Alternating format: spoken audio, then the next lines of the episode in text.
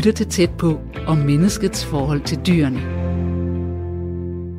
I denne her uge handler tæt på om menneskets forhold til dyrene. Sammen med Vinnie Stubkær Laversen, som har beskæftiget sig med dyrs og menneskers adfærd de sidste 20 år, og som kommunikerer med dyr, skriver bøger om dyr og holder kurser gennem sit firma Livssamtalen, vil jeg, Christine Sølling Møller, undersøge, hvad vi kan lære om dyrene og af dyrene, så vi kan få et bedre liv. Og hvorfor skal vi nu til at bruge tid på de her dyr? Jo, fordi til trods for, at vi lever i et højteknologisk samfund med fuld fart på individualismen og præstationspresset og selvrealiseringen, så anskaffer vi danskere os jo kæledyr som aldrig før. Men dyr som for eksempel hunde, ja, nu kommer min hund lige ud forbi her, det er vel bare søde væsener med pels, der er hyggelige og klø bag ørerne, som altid er glade for at se os. For eksempel min hund My, som nu helt åbenlyst nyder, at jeg arbejder hjemme i dag. Ikke også My? Videnskaben har faktisk undersøgt dyrs følelser. Om et øjeblik, så kommer Vinnie, og så kan hun jo egentlig forklare lidt om, om du egentlig har andre følelser end behovet for mad og søvn og blive kløet bag øret. Er der mere my? Nej, der er nok ikke rigtig mere. Hej, Hej. der er velkomstglæde her. Ja, goddag. Ui, der var en rigtig glad hund. Ja, oh, ja, men det er dejligt at se dig igen. Ja, ja. Og kyllingepivdyret og invitation til at gå i haven. Ja, det er en klassiker. Ja, hej. Hej igen. og tak for sidst. Lige måde. Goddag. Åh, oh, goddag. Skal vi lige en tur op i haven, for at jeg nu er kommet igen? Jeg tror faktisk, det hun siger, er, at hun vil gerne have, at man enten løber efter hende, eller så vil hun også gerne have, at man øh, kaster med det der pivdyr. Ja. Og hvad bygger du det på? At Fordi hun, at, at, det, det, hun siger? at øh, det er den måde, altså fordi jeg kan se, hvis man så løber efter hende, så synes hun, det er så sjovt. Ja, og hvordan kan du se på en hund, om den har det sjovt? Jamen, der er jo lys i øjnene, ørerne ja. står op, halen vifter, der er sådan liv i det hele. Skal vi gå ind? Ja, lad os gå ind. Skal du have kyllingen med? Nej, vi skal ikke have den med Nej, vi må ikke have den med Men du må gerne tage den. Altså, jeg tror jo ikke, vi kan ruse for meget. Vi kan nogle gange komme til at ruse, så vi får fremprovokeret en, en respons, som ikke lige var den, vi havde formodet, vi ville få. Fordi dyrene, der har et meget godt eksempel, kan man faktisk godt kunne tænke mig at, at dele. og, og det går faktisk lidt i tråd med hunde. Og det var, det, var, det, det var fordi, jeg gik med min hest, den tidligere hest, jeg har nu, ikke? Eller havde. Øhm, og så går jeg ved siden af hende, og så har jeg besluttet mig for, at øh, du ved, hun går ved min, ved min side, og vi går fremad, og jeg har besluttet mig for, at hun havde nogle spændinger i, i brystet, som jeg gerne ville have løsnet via, at vi øvede nogle øh, gymnastiske øvelser, ikke? Og øh, jeg går med en gullerod og tænker, at hvis jeg nu sætter gulleroden her foran mig, så vil hun, når hun går... Nej, nu skal hun ind. Ja. Kom. Hej, skat. Ja, det var godt. Hej. Du var ved at sige noget med gulleroden. Ja, og så, hunde har jo også godt af gullerødder. Øhm, så kommer jeg gående fremad med, med hesten her og placerer gulleroden foran mig, fordi jeg tænker, at det er det øjeblik, hvor at min hest hun så bøjer sig for at tage gulleroden, så vil hun strække den her muskel, der er lidt stram, helt automatisk, når vi går. Ikke også? Og det her træning kan jo overføres til hunde også. Så sker der det, at da min hest drejer rundt og vil tage gulleroden, så er hun jo i den position, jeg gerne vil ruse hende for at stille sit hoved i. Så jeg siger dygtig. Og det er jo god timing. Men så er det bare sådan med ros, at ros og timing og fokus, det er tre ting, man skal være meget opmærksom på. Fordi det, der så sker, da jeg beder min kære, venlige, skønne hest, som aldrig kunne finde på at bide mig, om at gentage øvelsen, så har hun hovedet og halsen i alle mulige andre positioner end før, men går rundt med åben mund. Og, og det jeg så kunne konkludere ved at spole filmen tilbage, det gør jeg tit, når jeg har med dyr at gøre, spoler filmen tilbage, så tænker jeg, hvad var det lige, der var optagt hertil? Så finder jeg ud af, at på det tidspunkt, da jeg roser, har jeg fokus på, hvordan halsen og hovedet holdes, men hendes fokus er på at åbne munden og få fat i guldrødderne. Så hendes tanke om ros og timing var, fedt mand, jeg får en guldrød, hvis jeg kan vise, at jeg kan åbne munden. Og så gentager hun jo selvfølgelig det. Ikke? Ja. Og så synes jeg bare, så bliver det bare vildt morsomt at have med dyrene at gøre, når det er, at vi ved, at de altid er med os. Og så kan vi jo så gå og tænke over, hvad er lige at få formet her. Ja, hvordan er vi, hvor er vi selv med? Hvor er vi selv præcise? Ja, præcis. Og vi kan jo tænke, at vi er præcise, men fordi vores fokus er på, at vi roser for noget andet, end det, som deres fokus så egentlig er på, når de får rosen, så kan der komme et mix. Ja. Og så kan jeg ikke lade være med at tænke over bagefter, hvad med alle de hunde, der begynder at nappe og bide? Er det fordi, vi på en eller anden måde har fået lavet en kodning imellem ros og åben mund? Fordi hvis man så ikke får ros for det, man plejer at få ros for, så sker der det i dyrenes verden, at så henter de enten det, de fik ros for sidste gang, og byder ind med det for at gøre os glade, eller fordi glæde styrker immunforsvaret, det kan dyrene jo godt mærke, og de vil også gerne have, at vi har det godt, eller så gør de det, at de forstærker signalerne, eller opgiver. Og hvis man nu har fået trænet sit dyr til at tro, at det skal have åben mund, og det så gerne vil forstærke signalerne for at få godbiden. Og det synes jeg jo bare er vildt spændende, sådan noget, ikke også? Velkommen til dig igen. Mm. Øh, og vi skal snakke om noget med, om dyr har, kan man egentlig påvise, at dyr har følelser? Fordi når jeg kigger på min hund, så synes jeg jo, at den viser mange følelser. Den viser glæde, især meget glæde, men den kan også vise udtryk, at den er trist, hvis vi skal gå, eller at så er den, synes den, vi har tit følelsen af, at den synes, vi er for kedelige, øh, men måske projicerer vi bare noget over på den, som er menneskelige måder at tænke på. Mm. Øh, så jeg kunne egentlig godt tænke mig at starte med, øh, og have dig til at fortælle mig lidt om, hvad for nogle følelser har min hund My, som nu har lagt sig ned her ved siden af bordet? Ja, det er da et rigtig godt spørgsmål. Altså, øh, hvis vi nu tager afsæt i, hvad videnskaben siger, øh, så er det sådan, at øh, for at man kan finde ud af, om et øh, dyr er et bevidst væsen, så skal man være sikker på, at det har nogle følelser. Og øh, nogle følelser, som det er i stand til at ligesom reagere ud fra. Og det her med at få defineret, at dyrene har følelser, og dyrene har tanker, der er det faktisk sådan, at når dyr har følelser, og de har tanker, og man ved, at de ikke bare har en handling, de ikke er klar over, at de foretager sig, så kan man skifte over fra at kalde dyr instinktborne og til at kalde dem bevidste væsener. Og det forskerne har fundet ud af, og det er meget prominente forskere, hvor jeg faktisk har mødt den ene på et seminar i Skotland. Jack Panksepp, han var rigtig, rigtig dygtig forsker, og han er en af dem, som har været med til øh, at få udformet en masse forskningsforsøg og få lavet, øh, skabt den erklæring, der hedder The Cambridge Declaration on Consciousness, altså Cambridge Deklaration eller offentliggørelse omkring, at dyr har bevidsthed. Og i den her øh, erklæring fra forskerne af, som kom i 2012, der står der klart og tydeligt, at dyrene har følelser, og dyrene har tanker, og at de er bevidste væsener. Når du så spørger på omfanget af, hvor mange følelser at dyrene kan have, så har de hele det spektrum, som det er, at vi mennesker også kan have. Der er dog, set fra mit perspektiv, den, øh, den forskel, den væsentlige forskel, som er, at vi mennesker har et ego, som kan fylde enormt meget i vores øh, hverdag og imellem mennesker over for dyr. Og der er dyrene mere båret af, hvad er det, der er nu og her, frem for øh, øh, krigeriske tanker. Og hvad mener jeg så med krigeriske tanker? Jo, det jeg mener, det er, det er fra det perspektiv, hvor jeg har arbejdet med dyr og mennesker i mange år, der er der øh, det element i menneskeverdenen, at mennesker kan tænke, at nogen er imod dem, eller vi er måske ikke helt med os selv. Øh, og vi er måske mere i vores tanker og tankeborgerne end, og intellektuelt borgerne, end vi er borgerne af det nu, som der er. Og der er dyrene, de er rigtig gode til at sige, at det, der er allervigtigst i den her verden, det er at få det bedste ud af, hvad der er.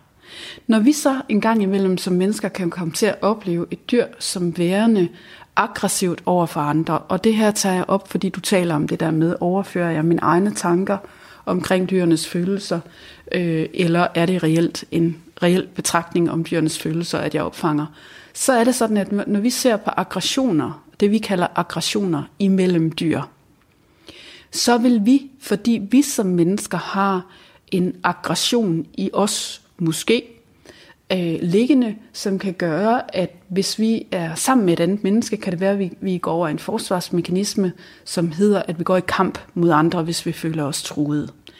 Når vi så sammenligner det her med dyrene, så er det sådan, at dyrene de kan godt gå i kamp, men når dyrene kæmper, så, kan det, så kæmper de for flokken, og de kæmper selvfølgelig også for sig selv.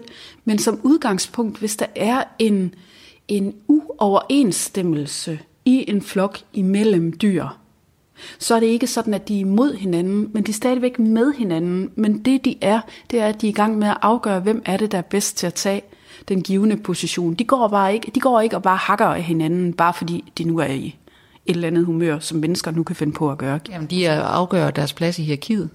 Ja, det gør de. Og, øh, og her, der må man forstå, at omkring dyrene, der ved vi, at der er en væsentlig forskel, som gør, at man ikke bare kan sammenligne dyr med, eller hunde med ulve altid. Og den væsentlige forskel kan man diskutere, hvis det er, at man kommer til at tale med en forsker, hvilket jeg har gjort nogle gange, blandt andet om tidligere forsker øh, forsøg omkring hesten kloge Hans og sådan nogle ting, der øh, siges at kunne tælle. Og, øh, og den her sådan, diskussion omkring det her med dyrene, der kan man gå ind og kigge på, at når dyrene er sammen som ulve i naturen, så ved de, at hvis man sørger for, at den, der kan gøre allermest for alle de andre, hvis den får mad, mest mad, så er det rigtig godt. Men det er ikke sådan, at dyrene har lyst til, at der så er nogen af de andre i flokken, der ikke får mad. Sådan tænker de ikke. Dyrene de tænker, vi er en helhed, og vi må sørge for, at det er helheden, hvor alle får noget. Men der er nogen, der skal have mere for at kunne yde mere for helheden end andre. Når det er, at vi så har øh, hunde inde, som jo også har en kobling til ulve, hvis man kigger på det naturmæssigt på nogle områder, så er det altså sådan, at hunden går ind og oplever vi mennesker som værende en flok til hunden.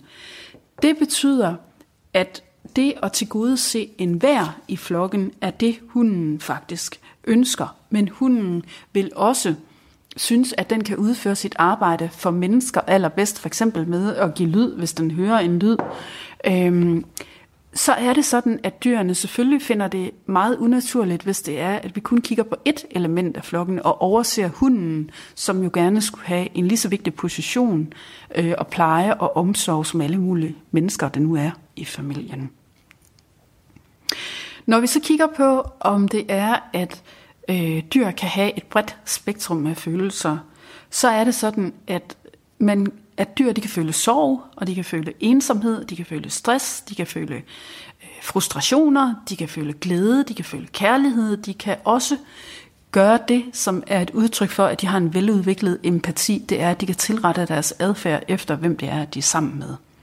Man ser det blandt andet inden for yngelpleje, at, øh, at et dyr kan have behov for noget, og nogle andre dyr kan have behov for noget andet, og man ser også, at dyr kan tilrette deres adfærd efter, om de er sammen med et barn, eller om de er sammen med en voksen, eller, eller lignende, hvis det ellers er dyr, der har et liv, hvor det er, at de øh, får lov til at måtte udtrykke sig, og de har øh, et liv, hvor de ikke er så stresset, at de ikke kan, kan overskue tingene.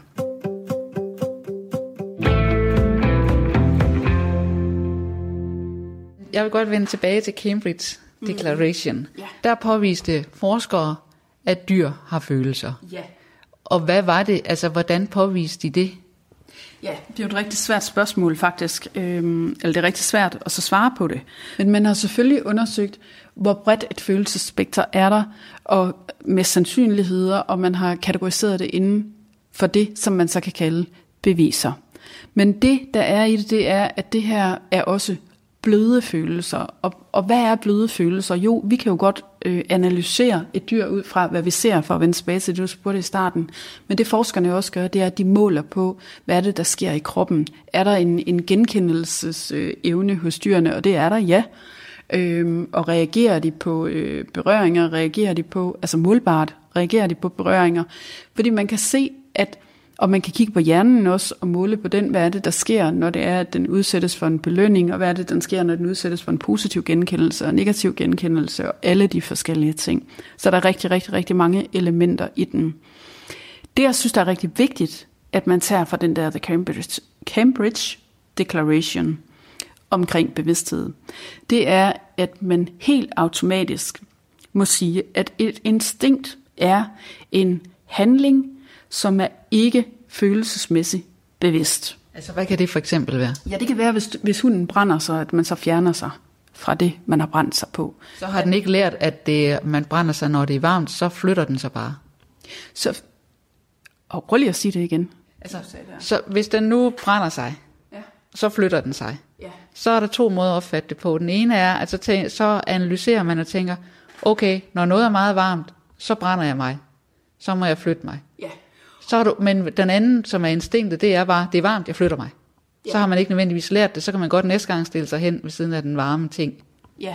Og, og der er det jo, at børn, de skal jo nogle gange lære tingene flere gange, før det er, de forstår noget. Og der er også nogle gange, at dyr, de skal lære noget, for det er, at de forstår noget. Men det, der er så super interessant, det er, at det er først, når man så ser, at der kommer en bevidst reaktion på noget, man før har været omkring, at man så som forsker typisk vil gå ind og sige, okay, her ser vi faktisk, at dyrene kan lægge to og to sammen, for at sige det sådan. Men det min oplevelse er, det er, at ja, de skal selvfølgelig lære, og de kan selvfølgelig blive udsat for et eller andet, hvor det er, at de mister deres fokus, og så går det galt. Sådan er det også for mennesker. Men min oplevelse er, at, at det dyrene mærker, når de reagerer på noget, hvor vi mennesker så kan konkludere, at det der det må være en instinktiv handling, at de gør. Altså de er ikke bevidste, når de gør det, ud over at de skal fjerne sig fra det, der for eksempel er, ikke også? Mm. Så er min oplevelse, at dyrene er langt mere bevidste om, hvad de føler i det givende øjeblik, end man forskningsmæssigt PT har slået fast. Og det handler jo om, at vi som mennesker, og jeg som fagperson, der har været i faget i 20 år, kan... Øh, forskere må sige noget, når det er, at noget, de må, de må sige noget, er bevist, når det er, at de har en række af gentagelser, hvor de kan udelukke og hvor de kan konkludere. Men jeg kan jo godt som menneske her sidde og fortælle om, hvad oplevelser jeg har haft omkring dyrene, uden det videnskabeligt måske øh, kan måles. Det må jo simpelthen gøre, at vi på en eller anden måde er nødt til, i hvert fald hvis vi har noget empati, og det siger vi jo, at mennesker har, empati er jo evnen til at sætte sig i andre sted. Hvis vi har den evne, så er det jo klart, at hvis vi tænker på, hvordan det er som kylling, og, og, og blive opdrettet øh, bare for at blive slået ihjel, øh, og skal hænge på et slagteri levende med benene opad og i bøjler og med hovedet nedad x antal tid, at se ven på ven blive, blive henrettet og, og opleve angst og alle sådan nogle forskellige ting, så må vi jo unægteligt begynde at kigge på, hvad er det for noget, at vi går og gør også med produktionsdyr privat. Og det her med angst er en af de ting, som jeg har kigget rigtig meget på. Fordi hvis vi kigger ind på lovgivningen inden for dyrevelfærd, så er det sådan, at et af de ting, der bliver sagt eller skrevet, det er, at øhm, man må ikke udsætte dyrene for unødig angst. Jo, så vel, så vel. Men hvor mange målinger er der på, hvornår angst opstår? Man ved, at man som dyreejer nogle gange kan konkludere i sit stille sind, at når hunden ligger stille over i hjørnet, over i sin kurv, så er den nok i ro. Men målinger, blandt andet vist i udsendelser fra BBC, viser faktisk, at der kan være helt meget, helt enormt meget stress i en hund, som ligger der øh, alene. Og selvom den ser rolig ud. Og så er det jo igen, at vi så begynder at tænke på, jamen unødig angst, hvad er angst? Fordi måden, som vi evner at se på dyrene på, afhænger jo både af, hvem vi er, men også, hvad viden er der. Og når vi så kigger på skolemateriale og går tilbage til dengang, hvor jeg gik i skole for eksempel, apropos det der med at vide, at kyllinger har følelser, og griser har lige så mange som hunde, og alle sådan nogle ting, så var det jo sådan, at, at det læremateriale, vi fik, for det første så lærte vi ikke i skolen, at vi skulle lære at arbejde med os selv, øh, og hvad forsvarsmekanismer er i det personlige sind. Det kan jo blandt andet være, at man slukker for den her radio om et øjeblik, fordi man ikke gider at høre på, at dyrene har følelser, for det skal man begynde at forholde sig til sin egen verden og sin egen barndom og lignende. Det kan også være, at man tænker, at de forsvarsmekanismer, de skal ikke styre, jeg vil udvide min bevidsthed, jeg vil udvikle mig som menneske frem for at stagnere.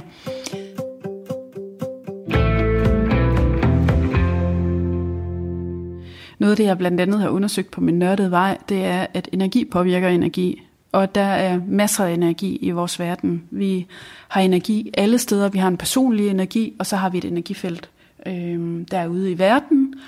Og øh, du kan jo bare, sådan en ting som hvis du sætter din hånd hen i nærheden af din fryser, ikke? så vil du, hvis du først har haft den i nærheden af kogepladen, så vil du kunne mærke, at der er en udstråling fra kogepladen. Hvis den er tændt, så er den varm. Ikke? Mm. Og det kan du registrere. Det er en energi, der stråler ud. Du kan også registrere, at hvis du sætter den hen til fryseren, så er der en anden energi, der stråler ud. Ikke? Så er det kulde. Mm. Ikke også?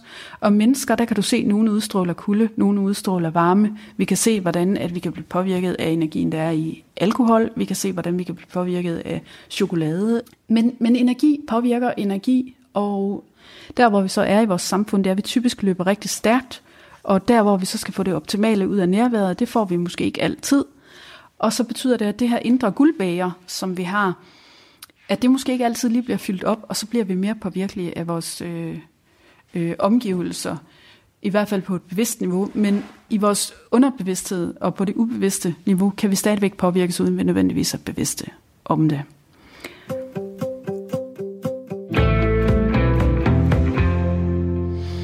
Det er sådan, at dyrene, der har empati, at øh, det er en meget veludviklet empati, de har. Øh, hvis vi så går over og kigger på mennesker, så er det sådan, at blandt andet Howard Gardner øh, har illustreret, og forskellige andre, at der findes forskellige persontyper. Det Howard Gardner han er gået op i, det er at vise, at der findes forskellige intelligenstyper. Og hvis vi så forskningsmæssigt siger, at vi har en, øh, en forsker, der har nogle pengemæssige interesser i at lave et øh, forskningsforsøg, der viser, at dyr ikke har øh, bevidsthed om, hvad der sker, når de skal slagtes, for eksempel. Ikke? Så, så vil det være sådan, at hvis den her forsker har sit primære intelligensområde inden for økonomi, for eksempel, så er det ikke nødvendigvis sådan, og det her kan lige så godt være en lovgiver inden for lovgivning om dyrevelfærd, så er det ikke sådan nødvendigvis, at den her forsker, han så har en veludviklet evne til at opfange følesignaler og små signaler fra dyrene, og bekræftige med godbider, eller har en god selvbalance, så han kan skabe et trygt rum for dyrene under forskning. Men i stedet for, så er det faktisk sådan, at under forskning, der findes der noget, der hedder et kendt begreb for nogen, og mange forskere kender det ikke, der hedder ship-goat-effekten. Sheep-goat-effekten ligger op af Rosenthal-effekten, som handler om forskning af børn, hvordan at forskere kan præge resultater, eller præge børn under forskning og præge resultater. Sådan er det jo også inden for forskning af dyr. Så, så hvad betyder det her? Det betyder, at den tilgang, at et menneske har, og den empatiske øh, omsorgs følelsesniveau og detaljeorienteret niveau, at et menneske har, når det forsker, det påvirker resultaterne.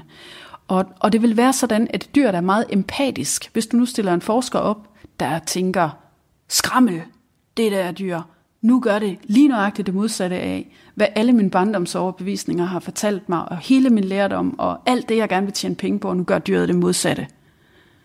Så vil den her forsker præge det dyr under forskningen. Fordi dyrene kan mærke det, men viser inden for forskning også, at dyr kan aflæse mimik, og de reagerer på mimik, og de kan huske personer, og de kan påvirkes af omgivelser, og så fremdeles. Så der er ekstremt mange detaljer, og dyrene, når vi så sammenligner alt det her med, at dyrene er ikke optaget af, hvad forskningsresultater der kommer, fordi det er ikke fremtiden, de er orienteret omkring. De er optaget af nuet. De er optaget af, at de gerne vil have det menneske, de er sammen med, til at blive et glad menneske. I alt det her, så er det jo så sådan, at hvordan forskeren er i det nu, at forskeren er med det her dyr, som i forvejen er enormt presset, når det er, det er under nogle øh, omstændigheder, som det måske ikke normalt kender til, eller øh, at det måske er med et menneske, der gør tingene helt anderledes, og måske også modsat af, hvad det er, dyret kender til og kender som tryghedsgivende, så vil dyret jo selvfølgelig blive påvirket af, hvordan forskeren er. Og forskeren påvirkes af sig selv. Og, og det betyder så, at igen, så må vi bare gå tilbage til, at hvor bevidst et menneske helt bevidst er, og hvor afbalanceret det er, og hvor hjerteligt det er, eller intellektuelt styret, hvad persontype det er, og hvad intelligenstype det har, og hvad agenda det har, ja, det kommer til at præge det materiale, der kommer ud. Jeg er øh, hvis man kan bruge ordet inkarneret, som en skeptisk person, som tidligere kun har gået op i det med, hvad der sort og hvidt er, og, øh, og hvis jeg skulle flytte mig ud af den her kategori med, hvad der sort og hvidt var, og, og hvad jeg kunne øh, forholde mig til videnskabeligt, så skulle jeg tage på en personlig udvikling, og jeg skulle gå ind i følelser, og jeg, øh, og jeg skulle også slippe noget angst for at have kontrol omkring ting. Og det var jeg i mine tidligere år, jeg er 46 nu, født i 73. Øhm, det var jeg i mine tidligere år ikke indstillet på, fordi at jeg synes, det var meget nemmere at pakke følelserne til side, og så kunne forholde mig til det, jeg kunne tage at føle på. Så min, der hvor jeg var som person, var også et udslag af, hvem jeg var på daværende tidspunkt.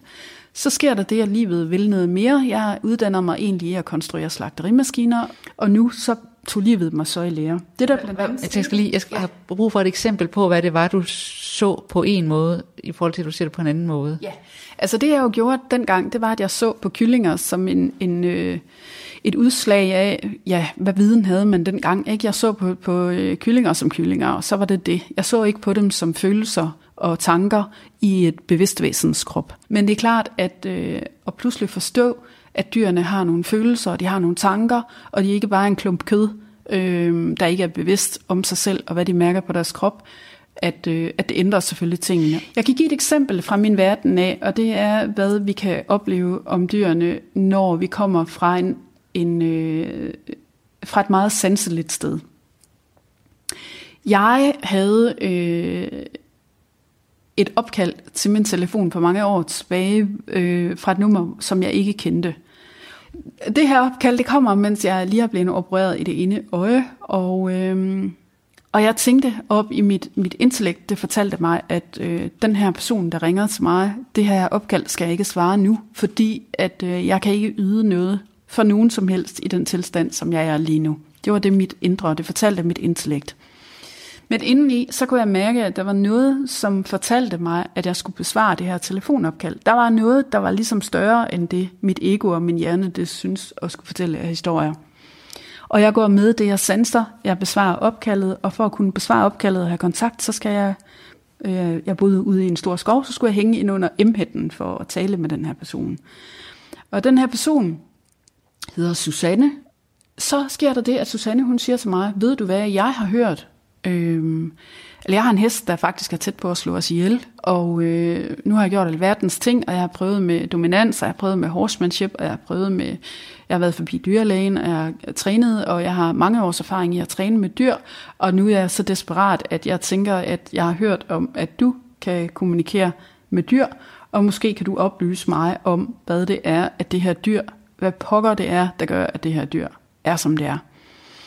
Og øh, som du nok kan regne ud, når man er skeptisk slagterimaskinekonstruktør, og man skal lære om, at man nogle gange kan have en kontakt med dyr, som går ud over, hvad øjet kan se, ja, så tænkte jeg, hmm, så skulle jeg lige gennemleve nogle ting på min angstmæssige side, og så skulle jeg åbne mig igen.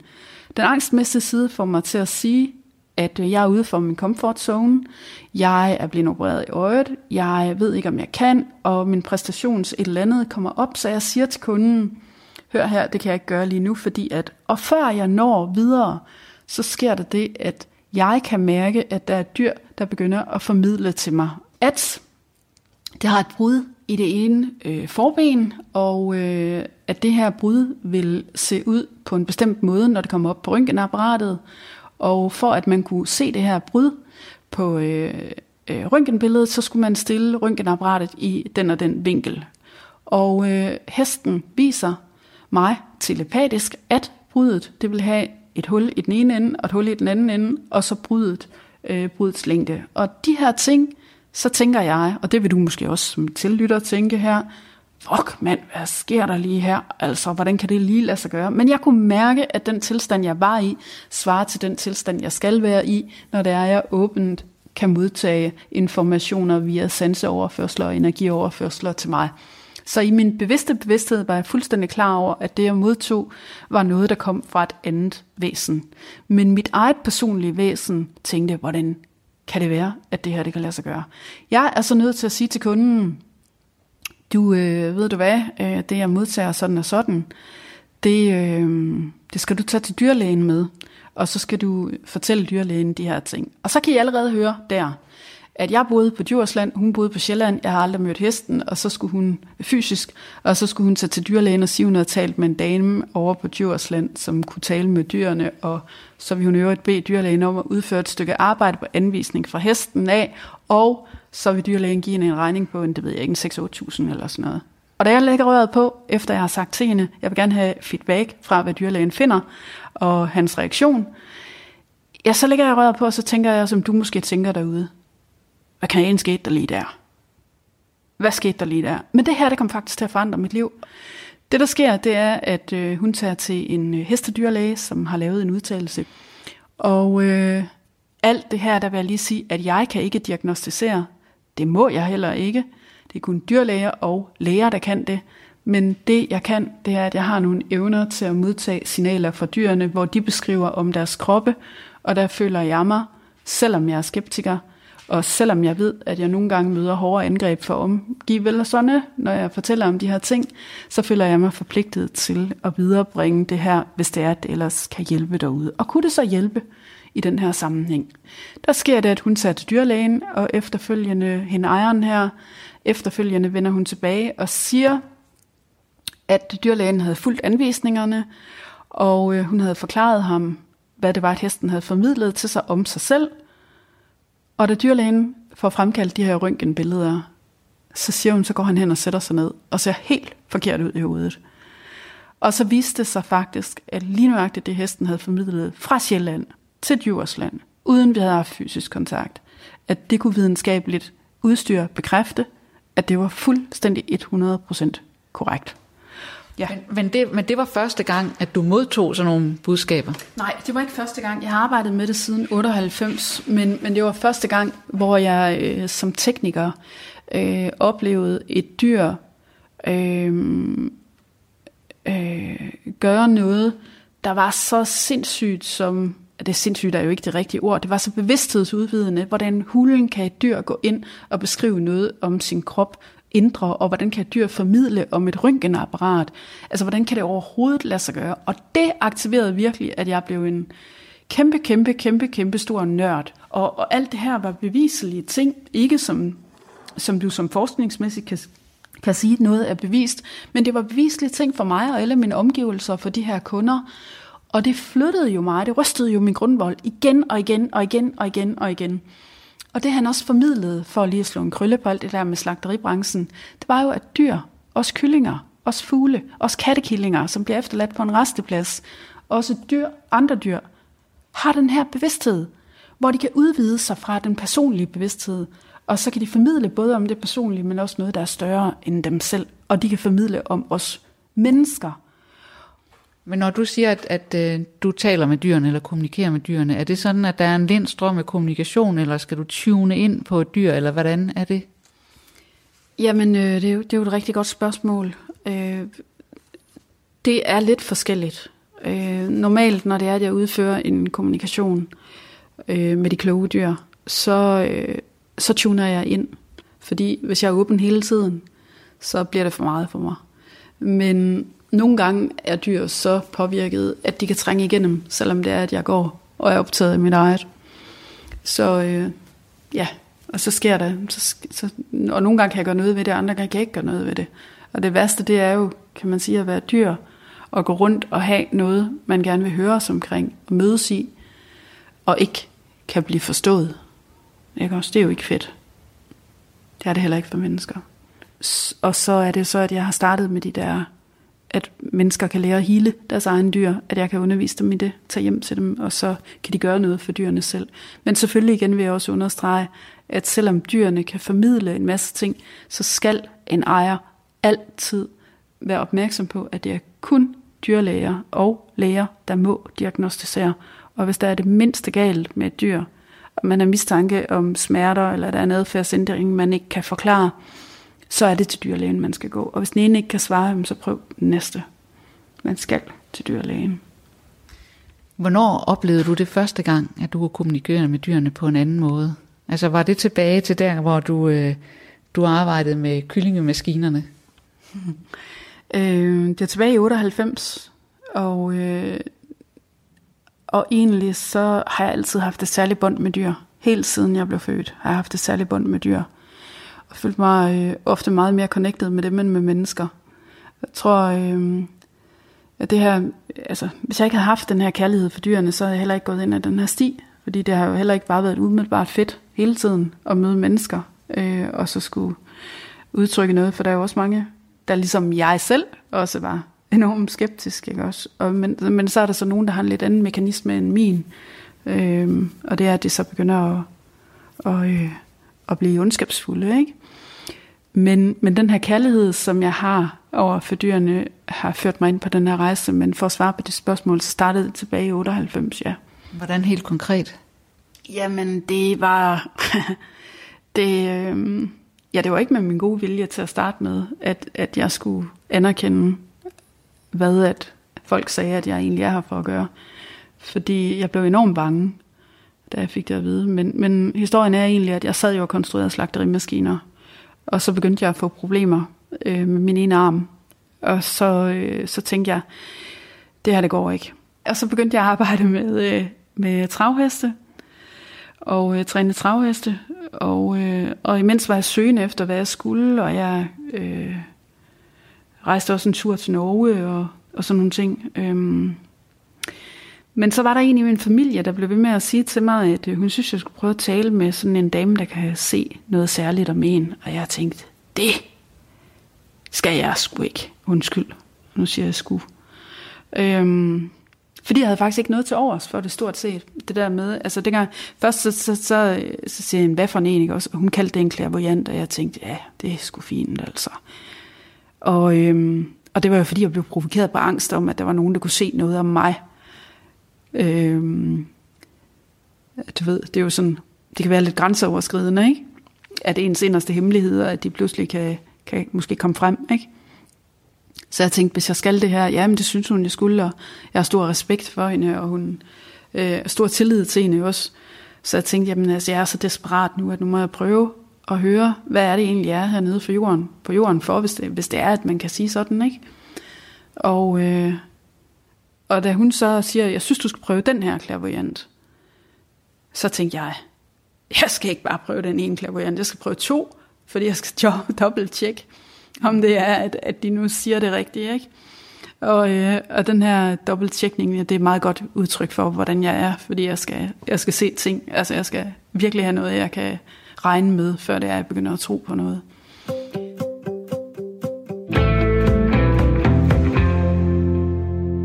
Jeg kan huske, at mine reaktioner var angst. Og jeg kan huske, at jeg også blev enormt øh, følelsesmæssigt påvirket. Jeg synes også, at det var spændende, men jeg kan huske, at da de sagde, at jeg kan kommunikere med dyr, så tænker jeg, ja, det. Jeg kan kommunikere til dyr, og jeg kan aflæse deres krop. Og jeg begyndte også at læse adfærd efterfølgende. Øhm, men det der med, at de kan kommunikere til mig også, det tænker jeg, det, det er da bare en lille blæ rundt om hovedet, de folk, de siger det der, ikke? Altså. Men hvorfor blev du bange for det? Jamen, jeg tror, jeg blev bange, fordi at jeg kunne godt lide at tage og føle på ting, ikke? Når jeg havde styr på tingene, så var der ikke så mange følelsesmæssige ting, jeg skulle forholde mig til. Og, og det er jo lidt ligesom, hvis man begraver sig i arbejde, ikke? så kan man flygte lidt fra de der følelser, som man måske ikke helt ved, hvad man skal gøre ved. Og jeg var i, i midten af 20'erne, ikke? Og, og der var mange følelser, som jeg holdt for mig selv. Og, øh, og så det der med, og så, øh, altså som bare sådan en lille ting, hvis du kigger på mine hænder, jeg har ret store hænder af en kvinde at være, og det har jeg altid været ret generet over, øh, dengang jeg var yngre. Så jeg gemte egentlig mine hænder i lommerne. og, så, øh, det, at de så sagde til mig, at jeg kunne kommunikere med dyr, at jeg skulle hele dyr, bruge mine hænder til at hele dyr, ikke? Så tænkte jeg jo bare, fuck, så skal jeg også have hænderne frem, og du ved, altså, åh, mand, altså, så er jeg jo enormt følsom, ikke? Og det der, det, der gjorde mig bange, det var jo også der med, at jeg kender jo min egen skepsis, ikke også? Og, og jeg vidste jo også godt, at det jeg så skulle stille mig op og være anderledes, og følge en livsstil, godt nok baseret på kærlighed, og godt nok baseret på noget, der er større end mig som person. Men det er jo, det var jo provokerende, ikke også? Altså det var jo, det, øh, ja, det var det. Det var angstprovokerende. Men det greb mig jo også, og jeg synes også, at jeg skylder verden, og især dyrene, at gøre det, som jeg gør. Mm. Hvad startede du så med at gøre, da du havde fået det at vide? Jamen, jeg startede med at gribe det, jeg kunne tage at føle på. Det var at læse adfærd. Øhm, og så... Øh, altså, hvordan, hvorhen, eller hvordan? Jeg, jeg læste, nej, nu, jeg vil ikke nævne hans navn, men, men jeg læste ved en traditionel adfærdsting, og det gik bare slet ikke, fordi at alt det, jeg mærkede indeni, det, det passede bare ikke med alle de der teknikker, at han, at han sagde. Så det var en, min første konfliktområde, øh, kan man sige, ikke også? Øhm, og så har jeg jo selvfølgelig læst biologi og, og psykologi og fysiologi. Fysiol og fysiologi. Ja, det er også mange ord, der sagt. Ja. Nå, øhm, det var god. Nå, men, men altså, jeg arbejdede jo også med travheste. Da jeg trænede travheste, så jeg jo heste, der kommer ind i træning, hvor de ikke engang er færdigvoksede. Og derop der fik jeg nogle oplevelser, hvor at jeg gik og, og talte til nogle dyr, øhm, som responderede meget, meget, meget specielt. Øh, hvor at jeg simpelthen kunne se, at de havde forstået øh, mine budskaber. Og det, øh, og, og det gør jo, at, at jeg øh, nu også vil sige til folk, tænk jer om øh, i forhold til, hvad I beder dyr om.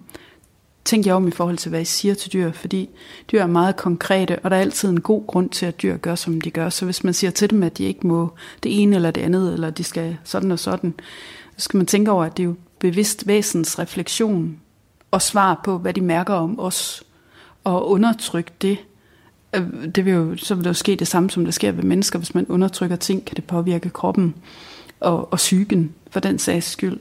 Så det er ikke nogen god idé. Det er bedre at spørge, hvordan kan det være, at du må gøre det her, og så finde ud af tingene, og så stimulere og udvikle sig selv.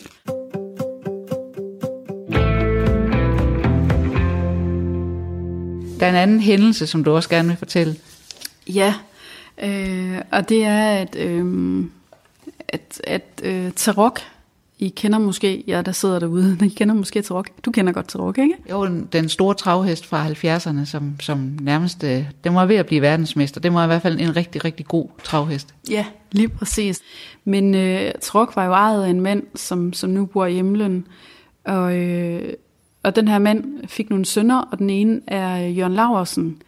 Og Jørgen Laversen har givet mig lov til at tale om den her øh, udtalelse, han har lavet. Øh, han kørte jo så til rock, dengang til rock levede, ikke også? Og så har han fortsat med at have travheste.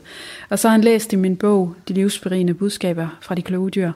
Øhm, og henvender sig til mig, for at, fordi han har en hest i, øh, i Sverige, som han gerne vil have noget assistance omkring. Og, øh, og det hans feedback omkring det her, det er, og det er jo også det, der gør, at jeg gerne vil have, at folk er meget opmærksom på, at dyr er meget mere end, end det, man måske lige umiddelbart videnskabeligt kan bevise. Men det han fortæller, overskriften er om en hest i Sverige og hans kommunikation om sin krop med mere. Jeg, Bi, er dybt imponeret over dine iagttagelser. Dyb respekt med store ord. Det er helt vildt, hvor det stemte. Og, og den case kommer jo fra, at jeg øhm, har kommunikeret telepatisk med en hest her fra Danmark af, og så til Sverige. Og så har hesten beskrevet sin krop og sine omgivelser og sådan nogle ting. Beskrevet nogle ting, der var galt med den her hest. Og, øh, og så har de haft dyrlæge på, og dyrlægen vidste ikke forlås, hvad det var, at jeg havde sagt, men fandt alt det, som det var, at hesten havde formidlet til mig om sig selv. Og så er det jo så bliver man jo rørt. Det kan jo ikke, det kan jo ikke undgå andet, end at blive rørt, når man pludselig oplever, at de her dyr, de er så selvbevidste. Og det gør jo noget. Altså det, det gør i hvert fald noget ved mig som menneske, at, at, øh, at opleve, at verden den, jamen, den er så meget større, end det, som jeg vil kunne læse mig frem til i, i de pt-videnskabelige skrifter. Ja. Nu oplever du, at du gennem de år altså har haft meget modstand Altså du tænker på fra hvem? Eller? Fra, fra omverdenen. Jamen altså, ja, det har jeg indimellem, men det gode er jo, at jeg har en masse dyrlægeudtalelser. Øhm, og, og, og jeg tror, at altså det der er kunsten, det er jo, at når folk reagerer, så kunsten er at forstå, at de reagerer ud fra, hvor de kommer fra. Og det er deres liv, der former deres reaktioner.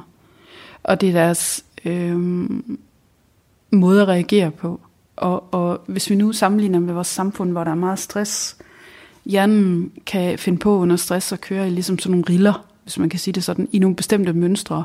Og hvis vi er meget stresset, så er der meget nemmere til at gå over i forsvarsmekanismer. Øhm, og forsvarsmekanismer kan jo være at skubbe andre væk, eller nedgøre, eller løbe væk fra dem, eller gå fuldstændig i frys, eller hvad det nu kan være, ikke underkaste sig.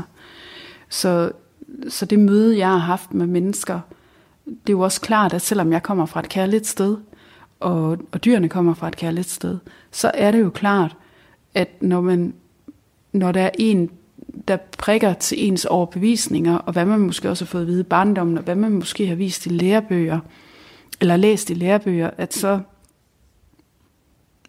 så rokker det jo noget. Og der er jo nogen, de har ikke lyst til at flytte sig. De har lyst til at stå fast i det, det er. Og, og fred være med det, men, men så stå i din egen balance, frem for at gå til krig over for andre, ikke? Øh, men, men det har jo ikke, altså... Øh, man ved forskningsmæssigt, at hjertelighed kan, kan måles, og at hjertelighed kan smitte, for at sige det sådan. Øhm, og det synes jeg jo er meget tankevækkende også i forhold til, at når vi, når vi evner at gå ind i hjertelighed, og det er også derfor, jeg har startet livssamtalen øh, og, og deklogedyr.dk, at, at, at når vi går ind i hjerteligheden, så agerer vi støttende, og vi agerer løftende, og vi agerer supplerende, vi agerer ikke nedgørende, og nej og krigerisk og sådan nogle ting. Men, men mennesker har jo et ego, hvor at, at så længe at man ikke helt har styr på at balancere med det ego, så kan reaktionerne godt være øh, ret voldsomme, kan man sige. Ikke? Og der tænker jeg, at når vi sådan, øh, laver en krølle på alle de her sådan, så ting, vi har talt om igennem de her fire programmer, så er det jo sådan, at dyrene, de er hjertelige. Og når vi så ved forskningsmæssigt, man kan se det på, på den hjemmeside, der hedder Heart, m a t .org, der kan man se, der kan man måle, at folk kan påvirkes af udstrålinger. Øhm, at når dyrene så går rundt og sender en masse kærlighed hjem, så tænker jeg, er de egentlig faktisk bare de store samfundssiler, født i, i engle født i dyrkroppe, hvis man kan sige det sådan, ikke? for at gøre vores samfund bedre. Mm. Du mener simpelthen, at de er bund og grund hjertelige, mm. øhm, hvor man kan sige, har de ikke bare nogle behov, ligesom os andre, og så mm. prøver de at, og ligesom, hvis behovet er at være i en flok, mm. så gør man, hvad man kan for at holde sammen for flokken. Mm. Og sådan. Yeah. Men du mener, det er mere end det? Jeg mener, at det er, altså man kan jo kalde det venlighed også, men, men det jeg mener om dyrene, det er, at de, de vil os det bedste. Og også når vi oplever det anderledes, så vil de os stadigvæk det bedste. Og det er også derfor, jeg siger hjertelig, men jeg kunne lige så godt sige venlig. Altså, ja. Sådan til allersidst, hvad, øhm, Altså, som grundtone. De har jo også alle mulige andre følelsesmæssige reaktioner, som de kan have, ikke også adfærdsmæssigt, men deres, deres øh, altså, de har ikke nogen dårlige intentioner over for os. Med mindre, at de, med mindre vi er så dårlige over for dem, at de er nødt til at gå over i og gøre noget tilsvarende i håb om, at vi så forstår, hvor dårligt vi indvirker, så vi kan komme tilbage til hjertet. Ikke? Det er sådan, som jeg ser på det. Det korte af det lange, det er, at, at dyr kan jo altså de, de, de kan jo stadigvæk støtte op og give os kærlighed på en dårlig dag. Hvis vi ligner skrammel en dag, eller hvis vi har en mega dårlig dag, jamen så ved vi jo alle sammen, at en hund, med mindre at den har det svært hos os, så vil den jo gerne komme hen og støtte, ikke også? Og det er det, jeg mener med, at så kommer den jo med noget god energi for at hjælpe os.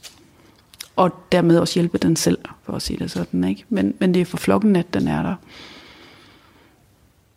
Jeg ved, at du øh, også har en lille øvelse, vi lige skal lave her, inden vi slutter helt. Ja, det er rigtigt. Vi har, vi har valgt, at vi vil lave nogle øvelser i hver eneste af vores programmer, altså sådan lidt guldklumper til folk. Og dagens guldklump, hvis man kan tage den som en guldklump, det er at prøve at gå og tænke over, hvor nærværende er man med sin krop lige nu. Og så prøve at gå og studere de her sådan tanker, man gør sig i løbet af dagen og så prøver at tænke, skal jeg egentlig gå med den her tanke, jeg, jeg har lige nu? Og en tanke, det kan også være en følelse. Prøv at stoppe op, og så tænke, den tanke, jeg gør mig om andre lige nu, er det en, jeg skal følge, og er den hjertelig? eller hvad? Og prøv at gå og eksperimentere med, hvordan kan du egentlig komme ind i din hjertelighed, din åbenhed, din rummelighed og lignende. Det er min guldklump til jer derude. Prøv at se, hvad der sker, hvis I ser på jer selv med hjertelighed, eller hvis I ser på jer selv med andre tanker. Hvordan former det dagen? Hvordan former det tiden med jeres dyr? I dagens udgave er Tæt på om menneskets forhold til dyrene medvirkede Vinnie Stubkær Laursen. Christine Sølling Møller har tilrettelagt.